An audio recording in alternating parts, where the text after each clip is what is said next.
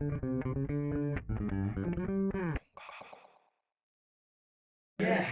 ki baxırlar da. Hə, ilk dəfə qərib gəldi, yəni verilişə.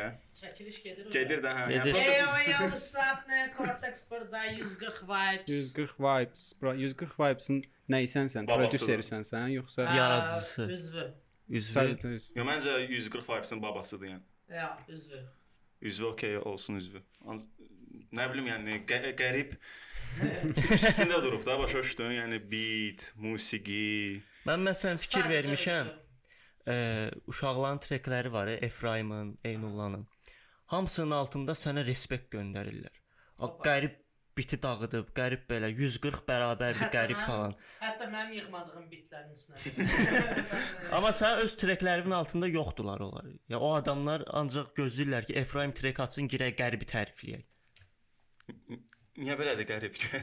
Bugünkü verilişimizin bu gün biz qəribi tərifləyirik, bəli. Bütün Azrət bilir ki, qərib möhtəşəmdir.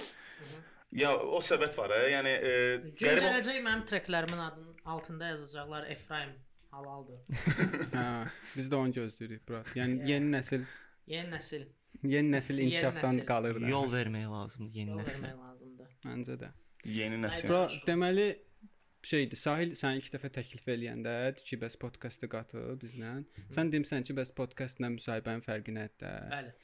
Ümumiyyətlə səncə nədir, bro? Yəni belə bir fikrin Yəni var? bilsəydim mən, mən, mən özümdə mən özümdə biraz maraqlı gəldi. ki, Həqiqətən də, yəni görəsən nədir ki, məsələn, podkast. Prosta bir iki şeyə baxdım. Bu Joe Rogan'ın eksperiment falan podkastı ən məşhurlardır. Amma hans deyir ki, ə, mən deyir heç kimdən intervyu almıram. Mən interviewer deyiləm də. Sadəcə onlarla oturub söhbət edib rekord edirəm bunu. Bu podkast olur. Hə, bu da bu, bu, bu buna podkast podkast deyir. Podkast deməliyəm də, hə? Hə. Podkast, podkast, Podkast. yəni Azərbaycanca dedə, niyə? Nəysə. Biz rap yox, rap eləyirik. Okay. Deməli, e, mən də belə başa düşdüm ki, bura onda intervyu ilə podkastın fərqi odur ki, e, intervyuda nə bilim kimlənsə hansısa kimlənsə məsələn hansı mövzu haqqında onun fikirlərini alırlarsa, podkastda onun e, həqiqi fikirlərini alırlar da onda. Yo, ola bilər intervyuda yəni formallıq var ortada. Əlində vərəq, sual sual yığını, sən sual versən o cavab ver, sual Hı. ver, o cavab ver. Ə, podkastdasa yəni Efraim Bas Eynullah. Məmmədi. Efraim Eynullah yoxsa heç biri? o tipdə başa Əlinlə maşın rulu da tut. Az qala ciddi qəbul etmişdim sualı. Az qalmışdı. Biz indi dedik ki, yəni onda belə eləyək ki, bu şey olmasın da, banal olmasın da, intervyu şey olmasın. Onun üçün Prosta mövzu ataq. söhbət eləyək. yəni sən də fikir ver, onlar da desin. Mən Mən prosta tanış deyilik. də. Çoxdan tanış deyilik. hə, hə. Ya mən də yəni söhbəti ilk söhbət açmaq istəyirəm. Azərbaycan repində rus dili. Yəni bu nə qədər uğurlu ola bilər? Məsələn, ə, yəni Trino adını çəkə bilərəm. Trino yəni ə, yeganə reperlərdən ki, Enchbillə fiti var yəni. Enchbillə hal-hazırda ə, Miyagi, yəni Enchbil. Onların şey, şeyin adı nə idi bro? Label. Ha- Hacim Hacim Hacime. Hacime, yəni bəli. Məncə Trino ilə Treko idi. Yo, o deyil idi. Yəni onların ə, labelin adı Hacime gedir. Ha. Və Enchbillə trek var və Enchbil də hal-hazırda, yəni Rusiyada partladan, ə, yəni reperlərdir. Yəni hamı tanıyır da, yəni Enchbili. Ə, səncə yəni Azərbaycanda rus dilində rep eləyənlər nə qədər yəni bu haracan harda dirənə bilər başa düşdün? Yəni sən Aa. maksimum nə edə bilərsən ki, yəni hamı sən yəni niyə də Azərbaycanda? Bunun üçün daha yəni maks şey variant deyil Rusiya Sən uca verdin, uca sual deyil. Sən həmçinin fikir okey. irəlisən. Bu- Bu sən xoşa gəlmir belə tema. Yəni Rusla müsahibə də alırlar, yəni Azərbaycanda və ə, o gün birinə baxıram restoran direktorudur adam. E, bundan rus dilində müsahibə alırlar. Sən özün rus dilli deyilsən. Yo, rus diliyəm, okey, mən bu maraq, mən bu maraq, İstədin amma bilir. hə, rus dilini bilirəm. Rus dili. Yəni bu düzgün deyil məncə. Yox, sizcə? Ə, Hə? Nə düşünürsən? yəni Azərbaycanda ə, rus dilində belə deyək, 15 il əvvəl məntiqli idi. Çünki 15 il əvvəl Bakının yarısı, bəlkə də yarısından çoxu rus dilində danışırdı. İndi dinləyici rus dillilərin sayı getdikcə azalır. Ona görə əgər hədəfin Azərbaycanda məşhur olmaqdırsa, onda rus dili çox uğurlu seçim deyil. Amma yox, hədəfin, hədəfin Azər Rusiyada məşhur olmaqdırsa, necə ki Qazaxstanlılar da, Qazaxlar Rusiyada məşhurdular. Hı, Bir də biraz əvvəl Ancaq onu burada eləməyiblər axı qərib. Yəni onlar gediblər Rusiyaya. Həm də yəni iş məsələ ondadır. Sən biraz düşünməlisən o bazara necə girəcəksən, rus bazarında rəqabət göstərə biləcəksənmi? Bizim Azərbaycanlılar Azərbaycan var da. Rusda, ruslarda. yoxsa sən rus dilində Azərbaycan ruslar kimi cəhd eləyəcəksən eləməyə. Yəni çoxlu nüans var. Burada yəni bir dənə dəqiq cavab yoxdur. Onda Amma sırf Azərbaycanda partlatmaq üçün məncə o Mümkün. Sən Nəvai falan Azərbaycanlıq da acaba, ora. ya, onlar yəni orada işləyir. onlar heç orada da bəyənmirlər. Qəlyan repi gedirdi orada, yəni Kalyanski rep. Rusiyada məşhur bir dənə vaxtı ilə lap qədimdə reperimiz olub Pauk. Pauka eşitmişəm. onu. Çoxdan o da prosta 2000-lərin əvvəllərində. Ya Kaspiyski Gruz da yəni və ancaq o da yəni Rusiyada olub. Yəni Azərbaycanda Bəli, bəli. sırf Rusiyada olub Rusiyada yəni ta, məşhur olub. Azərbaycanda ola ola məşhur olmayıb yəni orada. Mən də belə, belə başa düşdüm ki, yəni öz ölkəsində oturub hansısa kənar xarici bazarda məşhur olan yoxdur. Yoxdur dərəcəsindədir də, yəni. Məncə nə cürsə dəhşət əziyyət çəkib mümkün alındırmaq olar. Məsələn xətəkar da ingilis səbəb şey ola bilər. e, Orada ətraf, yəni bir community yaranmalıdır da 100%. Aha. Yəni öz ölkəvin community ilə sən Rusiyada rəqabət aparmaq çətin olur ya da ki, olmur ümumiyyətlə. Adı amma sənin ölkənin community-si dəstək olsa sənə alındıra Hə, bilərsən. o da o da çətin. Sən məsələdir. rus dilində treklərin var, sən yazmışdın ya. Əslində var idi. yəni bu vaxt.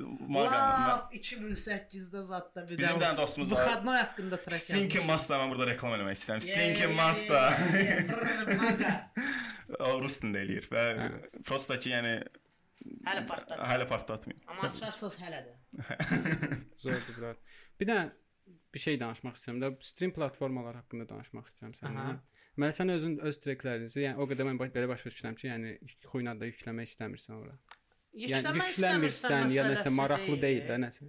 Maraqlı deyildi, deyil, prosta nə bilim. Babrat belə bir şey var da, e, sözü kəsirəm. Deməli musiqiçilər hazırda, yəni əvvəl məsələn albom çıxırdı, bir dənə disk yazırdılar məsələn də, albomu elə satırdılar.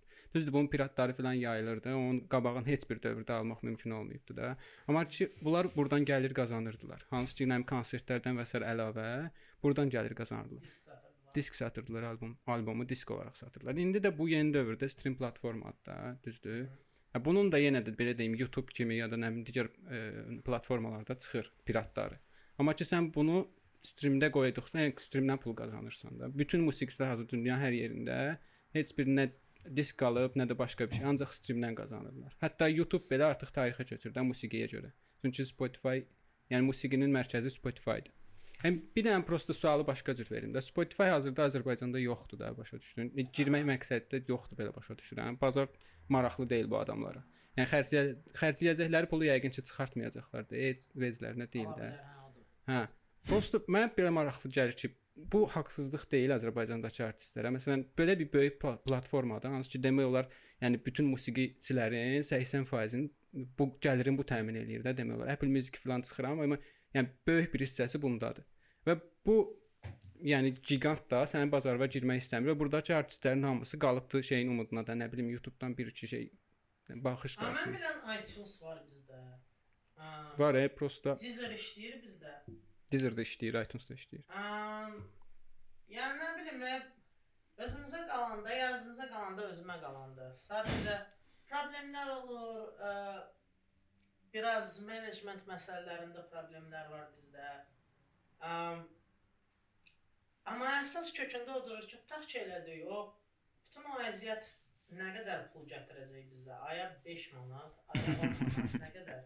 Yəni bilsən prosta Yəni mən məsələn inanmıram ki məndə inam yoxdur. Bəlkə də səhv deyirəm. Bilsəm ki, səhv deyirəm, deyəcəm, "Ura uşaqlar təcil qaçırıq, streamlərə bütün gücümüzü ora fokuslayırıq." Ə, in, inanmıram ki, aya ən azı 200 manat çıxartmaq mümkündür ondan. Gəl mən sənə belə bir şey deyim də. Hazırda şey bilərsiniz də 21 Rave var. Bir dənə. Harda? Hə, tanıyıram. Azərbaycanlı. Ya bu yaxınlarda deməli son 4 ayda filan 200 min stream elədilər təkcə Spotify üzərindən. Nə qədər pul verir ki? Mən sənə deyim təqribi 400-500 dollar təkcə Spotify-dan götürməlidirlər bu ay. Mənim hesabıma görə də indi ola bilər orada nəsə Bizim dildə eləyirlər yoxsa Bəli, bizim dildədir musiqilər. Yəni dinləyici də ancaq Azərbaycanlılardır. Okay. Okay, bu hardasa aya eləyir, elə sənin hesabına 150 manat saat, amma bu artan statistikadır da, yəni elə qalmayacaqdı. Çünki getdikcə də maraq artır. İnsanlar bunu trendi başa düşür də, uyumağa başlayırlar. Bu alışqanlıq yarar. Yəni məsələn onun kimi artistlər, onun kimi artistlər çox olmalı deyil. Yəni məsələn eyni olay deyək ki, track çıxartdı 21 reyvlə də yayımladılar. Eyni olay kimi məsələn də sən də eləməlisən, o da eləməlidir. Çünki məsələn YouTube-da yayımlamaqdansa bunu Spotify-a atıb, yəni bu necə necə deyim, bu darmovoy kütlədən çıxmaq lazımdır da, Mən- yəni. Başa düşürsən, mənim bacardığım tək şey bomba trek yazmaqdır. yəni Bu da orada menecment məsələsidir, o da söhbət var. Yəni, Yəni- artist tənbəl olur da həmişə. Amma indiki dövrdə bura bomba bit eləyə bilərəm, bomba mahnı eləyə bilərəm. Qalan şeyləri yaxşı bacarmıram. Yemək bişirmək, menecment, düşünmək. bizim yaxşı- Spotify-a çək çəkənə qədər ayrıca filmləri falan teaser paylaşırlar. Hamı girir altına YouTube-dakı. YouTube-a nə vaxt buraxırsan, YouTube-a nə vaxt buraxırsan. Məncə mahnılar da elə olacaq da. Spotify-da paylaşacaqsan, cəmaət töküləcək. Nə vaxt paylaşırsan YouTube-da baxaq. yox, indi hazırda musiqiçi e, yəni yeni başlayan musiqiçi hər şeyi eləməlidir bunların hamısını. Çünki heç kim sənə başlayanda səni gətirib yəni prodüserlik eləməyəcək də. Ya dostun eləyər, o da paxuy da, yəni o qədər yaxşı eləməyəcək bunu başa düşdün. Özün kimi eləməyəcək. O da uzağı Instagramda bio yazacaqsan. Mən indi Prodüser falan söhbəti bura bura gətirim. söhbəti buna gətirən ki, mən sizə sən çox istəmək. Yox, mən belə başa düşürəm ki, yəni reper və yaxud da reper olmasın, yəni aktyor olsun. Yəni burada bu sənaye yoxdur da, əyləncə sənayesi. Elçin təzəliklə albom buraxmaq istəyir. Prosta məlumat yığır. Sualı dəqiqləşdir. Sualı dəqiq sual qoymaq belə belə dəqiq qoyum da, üzr istəyirəm. Bax, sən Spotify-a musiqi yükləmək istəmirsən, hansı ki bazar oradır, düzdür? Yəni yükləmək istəmirsən, İstəmirəm, yox, yükləmirsən. e, Yük ay sağ ol. Yükləmirsən, okey. Yəni mən tapsam adam hansı ki mən başqa heç nə ilə maraqlanmıram da. Mənim işim ancaq yazıb yaratmaq olsun. Hı, O yükləsin özü üçün zət zor olar. başa düşdüm, Mən okey. prosta o qruzlar, girmək zad və s. Çünki ayrı işlərim var. Əm, və ümumiyyətlə məndə elədir ki, gəlir birdən-birə ideya. Mahnı üçün ideya. Mən oturub onu şaqqa-şaq yazmalıyam. Mən ondan biraz uzaqlaşan kimi itir o mahnı. Yazıb qurtarmıram. Kompüterimdə bəlkə də bir 100-150 dənə bitməmiş vers var. Hı. Treklər hansıların ki 2 versi yazılıb, 3-cü versin yarısı yazılıb və yarısını bir ildə ki bitirmirəm zət. Yəni tapsam o insan hansı ki bütün o menecment zət məsələlərini həll eləyir. Onda zor. Amma mənim özümün bacardığım ümumiyyətlə imtina eləmək istəyirəm. Ki mən bu bütün bu məsələlərlə məşğul olum. Hı. Bəlkə də eqomdan da, amma istəmirəm. Mən istəyirəm yaradıcılığıma gələndə mənim işim ancaq biti yazmaq, treki yazmaq olsun. Okey. Amma məsələ ondadır. A- Amma indi bunu bunu sonra. onda niyə eləyirsən də? Mənə o maraqlıdır. Bax işin var da, deyək, stabil işin var, gəlirin oradandır, başa düşdüm. Musiqidən deyil. Və sən onda musiqini sırf sənə hype gətirir deyə eləyirsən, yoxsa sırf sənə bu ləzzət eləyir deyə eləyirsən? Yox, əks əslində hətta hype-dan belə qorxuram. çünki çünki məndə o sən ki, məşhur oldun da, səni hər yerdə tanıdılar. Çox qruz həyatı oxşayır. Başa düşürsən, biraz qruz həyatı oxşayır. Çıxdın dönər yeməyə, dönərçin hansısa trekindəki punch-ın bəyənməyib. Hə, filan şey demisən. Ay sağ ol. Mayonezin dadı nəsə bir oldu. Məhəllimizdəki uşaqlar arada bir mə balaca uşaqlar yaxınlar. Mən çıxan kimi qərib freestyle dinləyir. Qərib də hərfisi. Özdə reperlər də var. Məsələn, pianist, musiqiçi olanda deyirsən qohum gilə, deyirlər ki, bir dənə piano çal skripka. Qohum reper, yəni reper olanda deyirsən qohum gilə. Göstər elə punch Bir dənə freestyle elə. Also hələ o çatmıyor bu dövrə. Okay, yəni dəxlici bir zarafat idi, çox sağ olun. Bir dənə doğrudanca qərib Məndə musiqi. deyirlər bir dənə rapin başına burax. Məndə. Qərib sən nə məşğulsan? Təzə qohum giləsən. Qərib sən nə məşğulsan rapla? Başını da buraxırsan. Keçir başqa mövzuya da. Arada tez-tez soruşurlar ha vaxt böyüyəcəksən, zadə elə söhbətlər. Rap ancaq Həyatdır da. Neyniyək? rap doğru. Azərbaycan 30 plusdan, yəni bir dənə var. indi var. 30 plusdan rap dinləyənlər var, amma 50 plusdan rap dinləyənlər Yoxdur. Asta-asta da onlar gedəcək. Ancaq sizdə belə olur, getdikcə məsəl üçün ola belə bir şey ola bilər. Yəni məsəl üçün 35 yaşına çatanda o fikirləşirsən ki, ə, rap o musiqi deyil, yəni mən dinləmək istəmirəm bunu.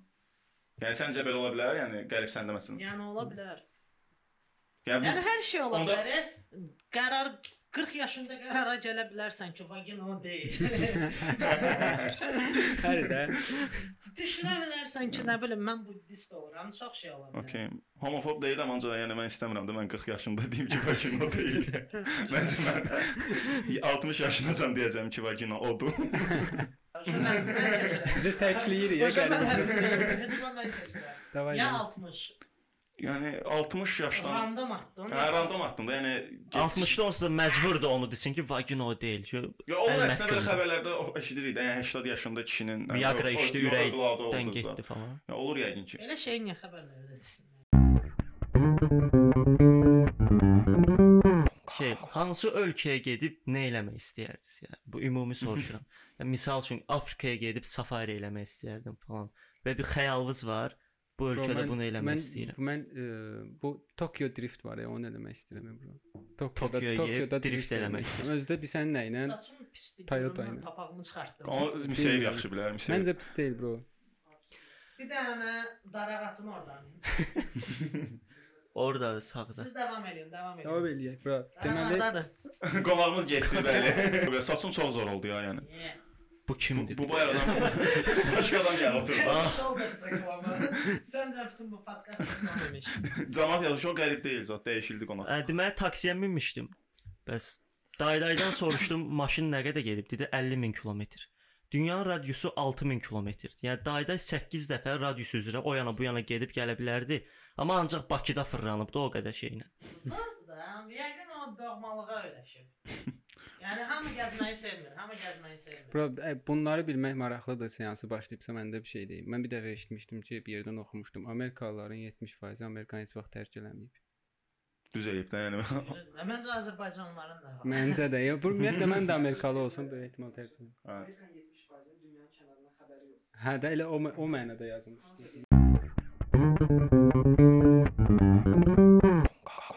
Ə, səncə hamı rep eləyə bilər indiki dövrdə? Yəni lallardan başqa, bir də əli olmayanlardan. Ümumiyyətlə hamı rep eləyə bilər. Amma bomba repi hamı eləyə bilməz. Söhbət təxmin edir. Şey bir dəfə tweetə at atmışdı ekspert ki, bəs mən e, meyxanaçı ola mən yaxşı meyxanaçı ola bilmədim, ona görə reper oldum yəni. Kim yazmışdı? Ekspert. Mən meyxanaçı ola bilmədim, ona görə reper oldum. Mhm. Bu haqqda fikrin nədir? Yəni qalmaqal yəni yaratmağa çalış. Meyxana Sən niyə belə qalmaqal. boynunda nəsə var imiş kimi deyirsən? ya meyxana da oradan yəni zordur da həqiqətən. Meyxana Meyxana. Batıl elə ilk dəfə meyxanada olub da. Ya belə baxanda Batılı yəni Batılı Azərbaycan gətirib dünyaya. O şübhəli məsələdir. Məncə mən bilən İngiltərədə hansısa incəsənət növü olub. Yəqin Slavyanlarda da nəsə olub. Şeirlə, poeziya ilə bir-birlərinə. Meyxananın atmosferi zordur. O qədər kişi bir dənə palatkada, tüstü də bürüyüb hər yanı. Kəramət böyükçül bunu bəyənmirəm. Hmm. Mən meyxanaçıları bəyənmirəm. Hə, o gün baxmışam o. O anlam prosta məncə dərk eləmir. Ümumiyyətlə o musiqidə sözü nəyə görəsə şeiriyyatda yazılı söz meyarları ilə. Ona görə bəyənmir. Amma musiqidə sözü ayrı meyarlarla ölçürlər. Bəs indiki dövrdə yəni səncə, yəni sizcə, ə, s- yəni məna yoxsa sound, yəni səsləndirmə? Məncə yəni, məncə sound. İndi yəni gedib də yəni məna. sounddur da. Hə, boş söhbətdir. Yəni Yəni həmişə həmişə həm sound, həm ümumiyyətlə yəni bu bir şey deyil də, bu sözdə vibe yaradır, musiqi də vibe yaradır. Onlar bir yerdə vəhdətdə olanda müəyyən vibe yaradır. Musiqinin məqsədi sənin hiss elədiyin əhvalı dinləyicidə oyatmaqdır. Və o əhvalı yaratmaq üçün sənə həm sözlər lazımdır, həm də ki sound lazımdır. Yəni siz ha vaxt ha vaxtsa görmüsüz ki, gənclər hansısa məşhur mahnını piano oxuyanda musiqisini oxusunlar, çıxışıqlar la la la la yox. Sözlərini oxuyurlar bir yerdə. Nə bilim, merhabalar, zamanların palçığı. Yəni sözlərini oxuyurlar. Tək də biz deyə bilmərik ki, söz yoxdur. Yox, əsas olan əhvaldır, yaratmaq istədiyin vibe-dir. Orada həm musiqi, həm söz. onda vibe da, yəni siz vibe. Çünki məsəl üçün Əsas vibe-dir, bəli. Bum. 140 vibe də əsas. Prosta indi təzə ə, bu reperlər falan autotune-un üstünə o qədər otururlar ki, söz başa düşülmür, elə musiqi kimi gəlir ancaq. Bu yəni bu mən bu şey misal versəm Morgenstern yəni Rus rapinin hal-hazırda ə, Rus industriyasını yəni söküb dağıdan adam da yəni treklərini oxuyur. Ətə, bətə, ətə, ətə. Yəni Qaqaşın sadəcə beatmaker-i çox bombadır. Yəni çox Mən onu eşitməmişəm. Bir dənə şeyini eşitmişəm. O ən çox dislike olan. Hə, özü özü bilə bilərəkdən paylaşıb yazmış ki, bu ə, videonu dislike edin, yəni. Məsələn, Hə, yəni sırf Timotinin treki çıxmışdı Qufla Moskva haqqında. dislike yazılıb da onunla başa düşdüm. Yəni adamlar götürüb Moskva haqqında oxuyur və Moskvanı tərifləyir, Moskvanın merini tərifləyir. E dislike rekord sayda dislike oldu. Morgenstern də xəttinə dəydi ki, bu nə deməkdir? Bəs mənim dislike-ım niyə azdı zət? belə marketçilərdən də yəni söz mənalı, mənasız tərəfdən baxmırıq da. Yəni ə, sözün maraqlı, maraqsız tərəfdən baxırıq. Ə, və məncə Morgenstern yazdığı sözlər yaratdığı musiqiyə çox uyğundur. Ona görə də dinlənilir. Bəli, yaratdığı musiqiyə uyğundur yazdığı sözlər. Yəni orada vəhdət var. Ancaq sənə dinləyəndə məncə səndə daha çox ə, sözə çox fikir verirsən. Yəni hə, Yəni ə, 60% sözdürsə, 40% musiqidir yəni. sözə çox fikir verirəm mən özüm hə. Sən Ancaq- sən əcdəsən, bura səndə hər ikisi. Sizcə məşhur adam və yaxud da deyək ki, hansısa nə iləsə məşğul olursan, amma özünü gizlədirsən də, ancaq sənin sənətin ortadadır. E, sən yoxsan da ümumiyyətlə prosta adın var, bir də şəklin var. Başa düşdün? Yəni klipi də görüblər ancaq səni. Sənin heç bir fikrini bilmirlər, ancaq musiqilərini dinləyirlər. Səncə musiqiçi belə olmalıdır, yoxsa musiqiçi daim müsahibələr və verməlidir, ya ortalıqda olmalıdır? Çünki sən nəyə görə verirəm sual? Mən məndə çox olub da məsələn baxıram. Sizdə yazılıb suallar. Hə də bro, mövzudur Ah, bro, fake. mövzudur sual. Bayaqki sözləri geri götürürəm. Studiya dağılmaz. Deməli, mən baxıram məsələn hansısa musiqiçiyə, musiqiləri ləzzət eləyir də. Sonra bu adam çıxır nəsə müsahibəsinə baxıram. Baxıram ki, bilə nə danışır da bu başa düşdüm. Nə mənasız adam imiş. Və üm ümumiyyətlə diksinirəm də, musiqisini də dinləyə bilmirəm. Artıq o, o insanı saniyə. Hə, o insanı görmək istəmirəm. Bir dəfəlik silirəm. Və yaxud da olur ki, kimsə track çıxardır məsələn, dinləyirəm və düşünürəm ki, o deyil də. Və sonra o adamın nəsə müsahibəsinə baxıram və yaxud da hardasa görürəm, tanış oluram. Mənə ləzzət edir həmin adam. O yaxşı enerji verir və yaxud da düşüncəsini bəyənirəm və ondan sonra həmin o yaratdığı şeyi də tutmağa başlayıram. Hə.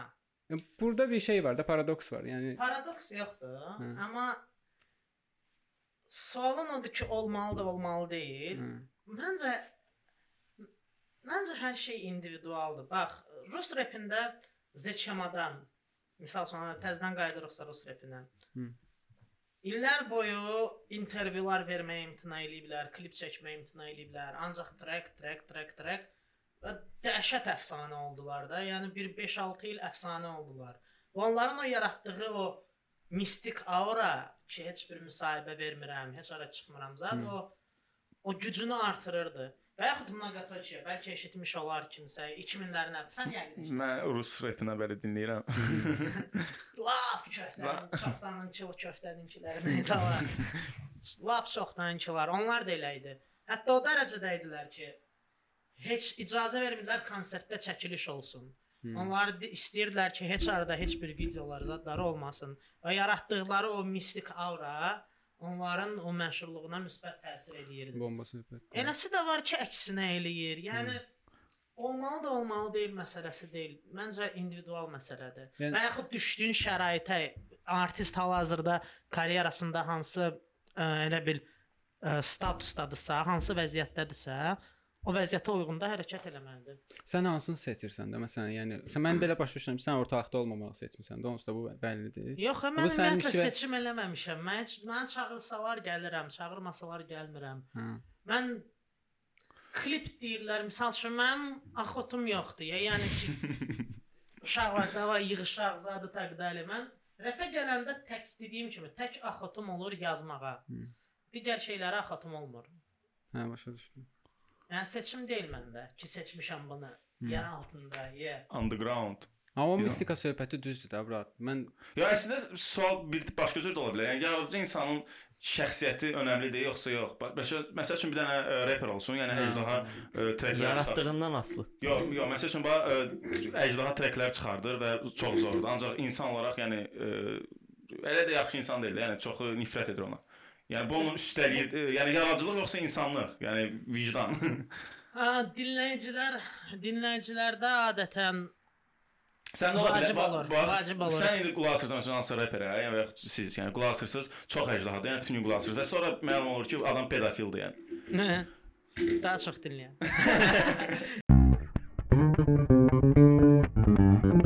Təzə treklər dedim çıxır da, yəni təzə işləyirsiniz, ancaq klip, klip Yəni klipin yoxdur sənin. Doğru, məncə qərib çox qərib çox trash kliplər istəyir və qərib minimaldan şey eləyir də. Qəribə deyirlər belə-belə eləyə, qərib deyir, yox, o deyil zət. Hüseyn Əzoğlu ilə işdə də videoda. Məndə məsələ ondadır ki, oy. Ən kurtu Okay. Ən kurtu treklərim elə treklərdir ki, ona klip fikirləşmək çətin olur. Ə, ən sad, yəni iminlə bəzən olur ki, trek çıxardıram. Mən deyirəm, "Wow, bu krutoydu. Buna klip çəkmək lazımdır." Və uşaqlara göstərirəm, deyirlər ki, buna nə klip fikirləşə bilərik. yəni problem olur həmçinin. Onu prosta bu- məncə bir şeydir, b- belə deyim. Bundan rejissor filan tanışınız varsa ətrafınızda belə vision olan bir adam da olmalıdır ki, onu soruşasınız. Çünki hər cür məncə mövzuya bir tema Klip çıxartmaq büdcədir, olur. bro. Vision- Qəşəng. Vision çətini ümumiyyətlə mən yaxşıdır. visionumu Yo, yo, sən çatdırmaq çətin olur. Hə, onu deyirəm, ona görə qa- qalır. Çənlibel misal üçün romantikasına visionum olanda ə, Rəvanda ürəyidir, çox əfsanə elədi. Hə, hamı Rəvan, respekt Rəvan. Səni də gözləyir. Amma mən ilkin ideamı heç izah eləyə bilmədim də. Uşaqlara da izah elədim. Fikrət dedi mən başa düşmürəm. Hə. Necə idi ki, bizə deyə bilərsən, Hə. bəlkə biz İzah elə. Təsəvvürüm o idi ki, klipi iki variantım var idi. Biri o idi ki, ə, arxada hər şey yanır. Binalar yanır zat. Kimsə ayağı kəsilib yerdə sürünür. Kimsə uşağını götürür, qaçır. Hı. Kənd kimi yer düşünürdüm. Meşəli zat və yanğındır və gecə düşünürdüm. Nəsə qəsəbədə dəlixana baş verib də, yəni xaosda hamı qaçır, canını xilas etməyə çalışır və düz mərkəzdə bir dənə insan da rəqs eləyir, sola, sağa, sola, sağa. İstəyirdim o prosta loop kimi getsin. Ortada loop kimi sola, sağa rəqs eləyə getsin və arxada cəmaət öz canını xilas etməyə çalışsın. Bu hansı kinodan kadr olmalı, yoxsa doğrudan Yo, istəyirdim animasiya olsun. animasiya? Amma üçün? istəyirdim ortadakı ortadakı insan hansısa videodan götürülsün. Əsl insan götürülsün və yapışdırılsın onun mərkəzinə. Hə. Onu anlaya bilmədilər. Yəni anlaya bilmədilər. Məncə Rəvan o başqa cür gördü. Yəni qəhrəmanlıq sırf mövzusuna. Orada İkinci mövzum, ikinci fikrim qəhrəmanlığı idi. Onu da təsəvvür elədim ki, bir dənə nə adı düz ə, profildən at üstündə qaçan insan olsun. Qaçsın, qaçsın da. Arxa fonda əlbəttə ki, yanından keçsin, yanan Yox. binalar, nə bilim siqaret çəkən əskərlər. Əskərlər düşünmürdüm indiki formada əskərlər, daha çox 18-ci, 19-cu əsrin əskərləri. Və prosta dayanmadan getsin arxa fonda dəyişsin. Hı. Və hətta istəyirdim getdikcə onun üzü çapıqları artsın, zad yanmağa başlasın, qan axsın. o trek ümumiyyətlə qəhrəmanlıq haqqındadır da, yəni. Atrək hə, kişi və qadın arasında, qadını xilas eləməyə çalışan igid haqqında. Prosta yazdıqca gördüm ki, biraz insan və vətən arasında münasibətlərə də oxşayır. Hı. Ona görə o iki mövzunu qarışdırdım bir-birinə. Aydındır. Müharibədən qabaq yazılıb. Çox bilmirəm o müha- o trek müharibədən qabaq yazılıb. 3-4 gün qabaq. Sentyabrdan qabaq onda. Sentyabr 27-ci başladı müharibə, yəni. Hı. Hə, hə, sentyabrın hardasa 18-19-u yazılmışdı. Doğrudan Şəxsi həyat şəxsi həyatımda baş vermiş hadisələr gəldim evə, şak yazdım, getdim zapis elədim. Prosta müharibə başladı, çıxarda bilmədim. Sonra üst-üstə elə düşdü ki, başa düşdün, cəmaət elə bilir ki, patriot hissi oyanıb və Yox, məndə həmişə patriot hissi olub, prosta biraz fərqli formatda.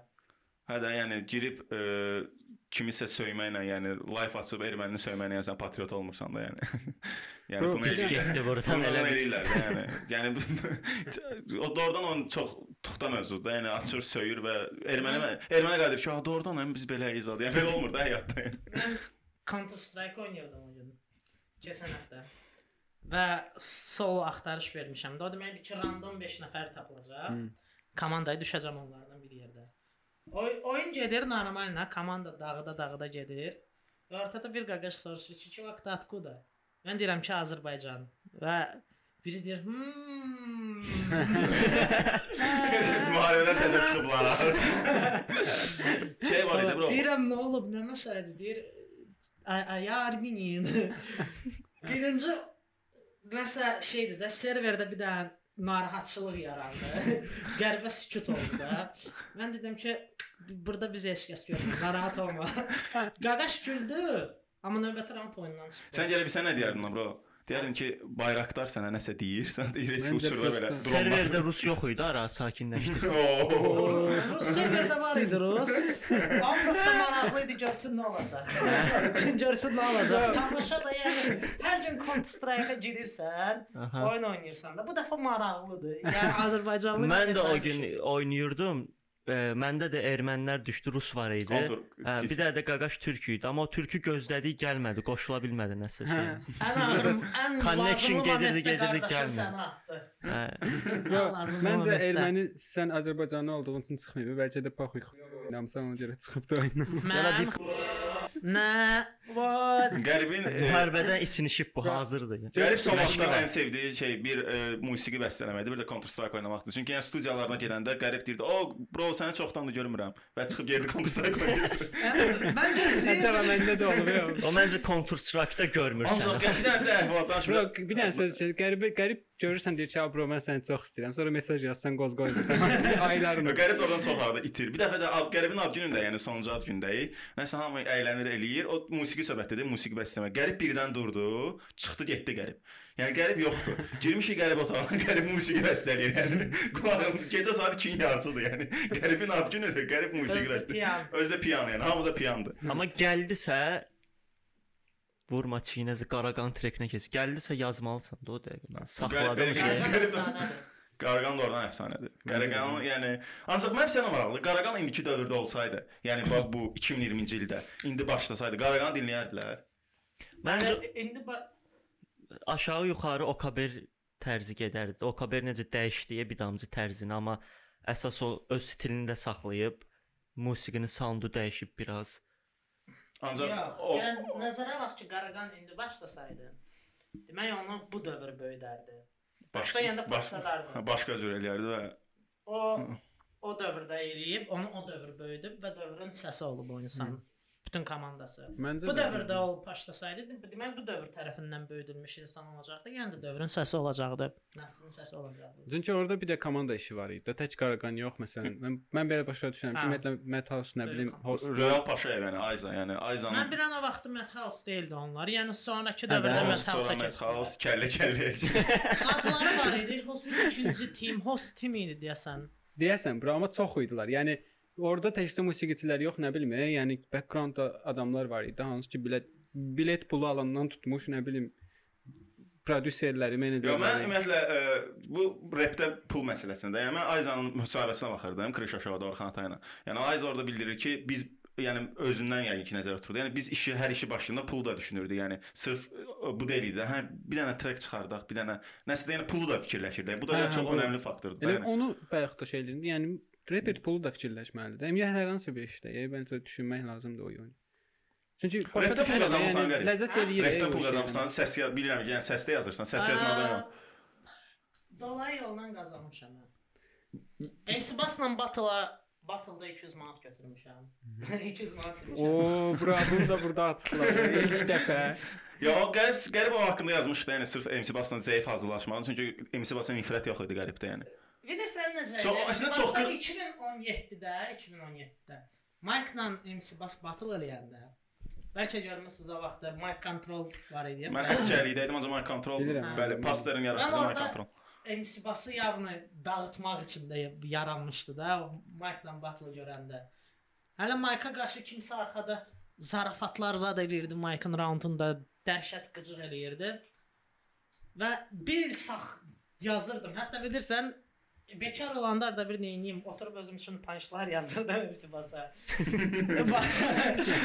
Pis yaldırdı məsələn. Yatmazdan əvvəl Zordur da, bəli. durur MC Bas deyə. Və arxada. Gəl- iki- gəldi 2000 Prosta gəldi və 2019 idi o battle. Mazi soruşdu kimə qarşı istəyirsən çıxış eləyəsən. Mənim ağlımda variant, yəni düşündüm ki, hmm, MC Basaydı uzun müddət istəyirdim və dedim MC Bas. Prosta dəvr gələndə verse yazmağa gələndə gördüm verse nəsə yazılmır. Əvəzinə birdən həvəsim gəlirdi bit yazmağa. biti yazırdım, bitin üstünə verse yazırdım. Öz bitindi də orada səs. Ancaq yəni 3-cü raund mən indiyənəcə yəni 3-cü raundın qəribin 3-cü raunduna qulaq asıram yəni. Hə, Bir mən- musiqi parçası. Mən elə yəni. o gün bir komment oxudum, təzədən baxırdım Battle biri şey yazmışdı. Qərbin 3-cü raunda girdiyi kimi 2021-ə girmək istəyirəm. Bitə yeri iş yox, zor idi yəni doğru. İndi elə adam var yəni ə, pul vermədən heç bir qanağarsız, yəni çıxıb həmin adamla Var. var. Yəni, at çəkmə də bilərsən, çəkə də bilərsən. Seçmək istəyirsənsə bro. ya okey, ancaq var yəni Bro çıxarsan, pulsuz istəyirsənsə biz birbaşa Yəni maziyə mən ötürək də söhbət. hansına qarşı elə çıxmaq istəyirəm ki, yəni battle nəticəsində o intihar haqqında düşünsün. Biraz mərhəmət varsa məndə, yəni yazanda düşünürəm ki, ayda istəmərəm belə şey eşitsin o insan. Onda yaza bilmirəm. Onda sadəcə düşük zarafatlar zad ata bilirəm ortalığa ki, hə. Amma yəni bir dəfə olub Karatla batıldı. Karat məni dəhşət qıcıq eləyirdi də. Dəhşət fantastik dərəcədə qıcıq eləyirdi. Onda Karatın dili topu vurmayan vaxtları da elə. Yox, Karat doğrudan Karat Azərbaycanın yarısını qıcıq elədi o şey. Karat Karat Karat Karat qəşəng eləyirdi yəni. Evrikada Karat daha yəni yəni okey mən Battle haqqında danışmaq istəmirəm. ilə batından sonra olsa qədər- oldu. Hə, yəni sənlə Battle qədər Karat eləyirdi yəni. Sonra yəqin ə, adam lirika yazandı və sırf lirika, lirika, lirika, lirika. Amma ümidvaram Rəsul qalxar da. Rəsul eləməlidir. məndəki yəni müharibədə idi, iştirak edirdi. Yəni hə, hə. Ən axırıncı Hə, müharibə. mən eşitmişdim müharibə. Yəni Məncə halaldır. ayağa qalxmalıdır. Hə, yəni mütləq, yəni bu boş Rəsul söhbət. kimdən gedir? Karatdan söhbət Hə, gedir. hə, Yəni yaradıcı üçün bu bu, yəni belə sıxılmalar məncə daha da onu zirvəyə yüksəlməlidir. Yəni Məncə kimlər Karat qalxıb da bacaracaq. mən. Özgüvənini Hə. öldürsə çətindir. Çünki rep biraz elə janrdır ki, özgüvən vacibdir. Yəni ə, qərib Oxymirona, Oxymiron yəni rus reperdir. Adama şillə vurublar, video bunu çəkiblər. Hə. Yəni adam ondan Diz sonra diz çökdürüblər və çıxıb batıllara və batıllarda partladır. Yəni bu çox, yəni gör özgüvən nə qədərdir də. Yəni halbuki yəni Allah Eminem də belə olub da bilin. Hə, Eminem biraz amma Eminem axı ictimai olaraq biabır eləməyiblər. Özü. diz çəkib çökdürüblər, videoya çəkiblər. Video bütün Rusiyada yayılıb. Amma eyni şeydir də, çünki o dövrdə ictimai olaraq əzmək olmurdu kimsə. Zaten öz ətrafında əzmişdilər amma adamı yəni. Mən belə mən bilən yəni- Eminemin də ətrafı var idi axı D12 var idi. Ə, Mən eşitmişəm o vaxtın Detroit Underground-unda hörməti var idi. yəni hələ tanınmazdan əvvəl. Hə, hələ tanınmazdan əvvəl Tekna ilə Ciza ilə fitləri belə oldu. Doğrudan. Hə. Ha, Bro, məncə o, o filmi var, e, olub. 8 Mile var. E. O O biraz nəsə nəsə mənə şey gəldi. Nəzərə almaq lazımdır ki, o film avtobioqrafiya deyil. Həri. Hə, avtobioqrafik deyil. Yəni. Hə, uydurmadır. Yəni deyirəm də, mən deyirəm axı, bro, çox belə nə bilim, e, Yəni ümumiyyətlə insan niyə öz avtobiografiyasında çəkilsin? Biraz egoistik görünür. hə? Egoistik görünür. təcrübə vardı oradan kimsə öz avtobiografiyasını çəkdi. Dokument öz dokumentlərində çəkilirlər, özlərinə aid sənədli filmdə. Hı. Yəni Billie Eilish mən bilən indi Şey çəkir. vardı o gün də. o- Müsahibələr falan olur. Travis Scott özünə aid sənədli film Joaquin çəkir. Phoenixin bir dənə filmi var, mockumentary'dir, yəni o çəkir Hə. orada. Adam ə, Aktyorluğun akt- başına atdığını deyir, repə keçir. Kim haqqında? Hə, mən də Joaquin eşitmişəm. Phoenix öz haqqında çəkib. Öz haqqında çəkməyib, Özün- Ben Affleck'in qardaşı çəkib də filmi. Hı. Və ə, bu mockumentary janrı, yəni doğrudan çıxır Letterman show-suna ki, deyir mən kinoda çəkilmək istəyirəm, mən rep eləyirəm. Çox tuxta- Pedallara falan çıxır. Çox tuxta rep eləyir. Yəni əməli başlı konsert eləyir. Hamı Phoenix-ə görə gəlirdi. Oraya rep olduğunu, gəlirlər konsertdə biabırçılıq olur və bunu çəkirlər və sonda yəni 1 ildən sonra deyirlər ki, bu sadəcə qurma idi yəni. Qəşəng. 1 il mırtdaşırlar. Yəni dünya ilə 1 il mırtdaşırlar. Amma özünə aid sənədli film çəkmək mənə qəribə gəlir. Yəni güzgün qabağında dayanıb 31 çəkmək kimi bir şeydir. Eddie Warhol deyəsən olub Eddie Warhol öz haqqında filmlər çəkir. Yəni Andy Warhol çox güman ki elə güzgün qabağında dayanıb 31 çəkən adamlardan biri. oh, necə kruto. Ay bilin. Qərib haqqında film çəkilsə məncə Yox. qəşəng Yox, gəl ümumiyyətlə açılmasın. Okay.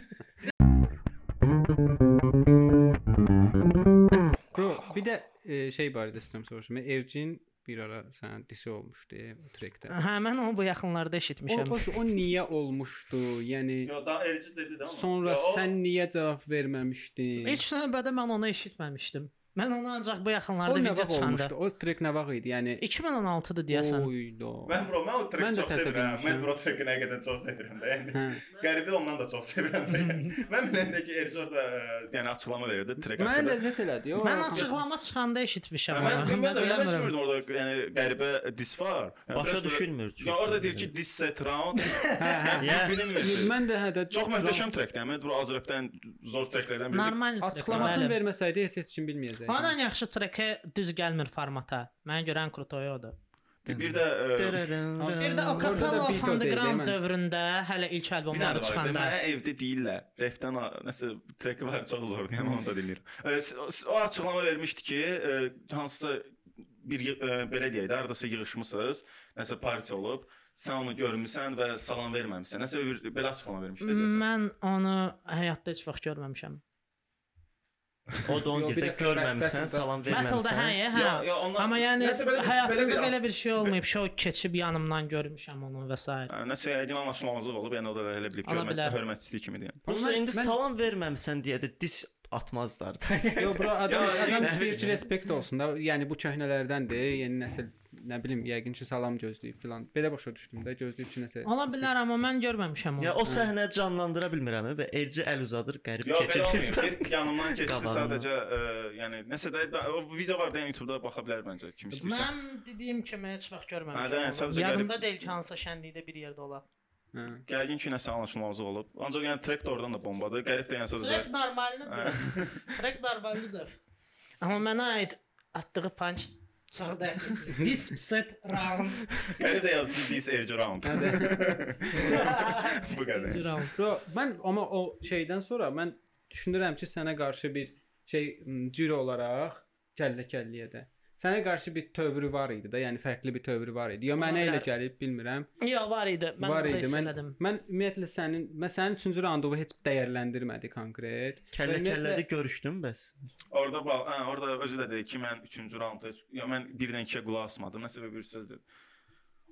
Yəni məncə var idi. mən hətta egomu salam ortalığa mən özüm də inanıram ki, 3-cü raundda elədiyim kəllə-kəllənin tarixi boyu ən bomba bit üstündə raund idi. Mən haqq verirəm buna bro. Mən də haqq verirəm.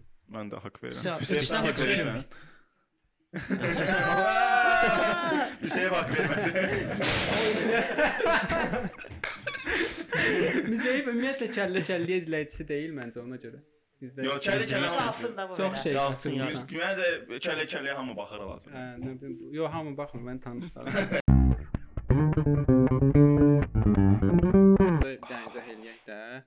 Biz Ə, izləyicilərə deməli hər bir qonaqdan ə, maraqlı bir dənə hədiyyə istəyirik. Sadəcə kommentdə nə yazsınlar? Nə yazsınlar ki, ən yaxşı kommentə verək də başa düşdün.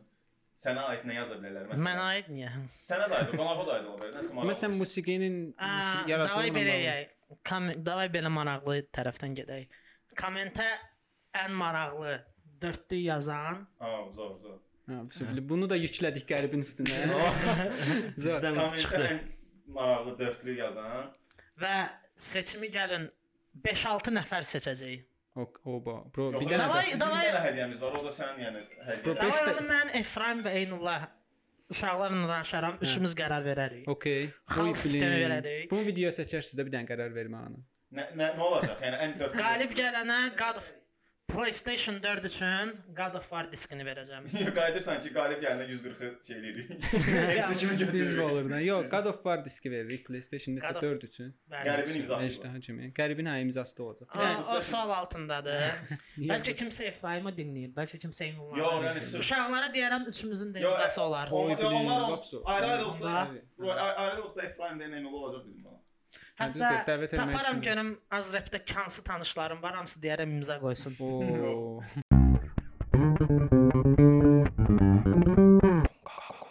Bizi sevin, bizi də sevin, hamımızı sevirik. Peace. Konsertdə Ay. gedirik, stand-up konsertdə, qəribin də konsertlər olacaq. Şəxsən Ha, özümüz vaxtsa. təşkilatımız eləyəcək. Gələn bölüm görüşərik. Ura! Burada jet- Tarda 3 saatdan sonra burada musiqi girir. İstəyirəm gülək tək, qarşı əsas silah, ona qarşı gülmək. Çünki dişlərim parıldayır, baby oh. Dişlərim parıldayır, baby oh. Dişlərim parıldayır, baby oh. Bu trek isə sadəcə reklamdır, oh. Dişlərim parıldayır baby oh. Dişlərim parıldayır baby oh. Dişlərim parıldayır baby oh. Zor diş sadəcə reklam gedir oh. Nə, nə, nə cortex. nə, cortex. Deyəcəm ey o mələklər, necəsiz? Gəlin nə ilə nə ilə? Mən həyatımda tək dostam küləklə və Bakı ilə. İstəyirəm külək tək. Həyat yaradan da zülmət, zülmətə qarşı əsas silah, ona qarşı gülmək. Çünki dişlərim parıldayır baby oh. Dişlərim parıldayır baby oh.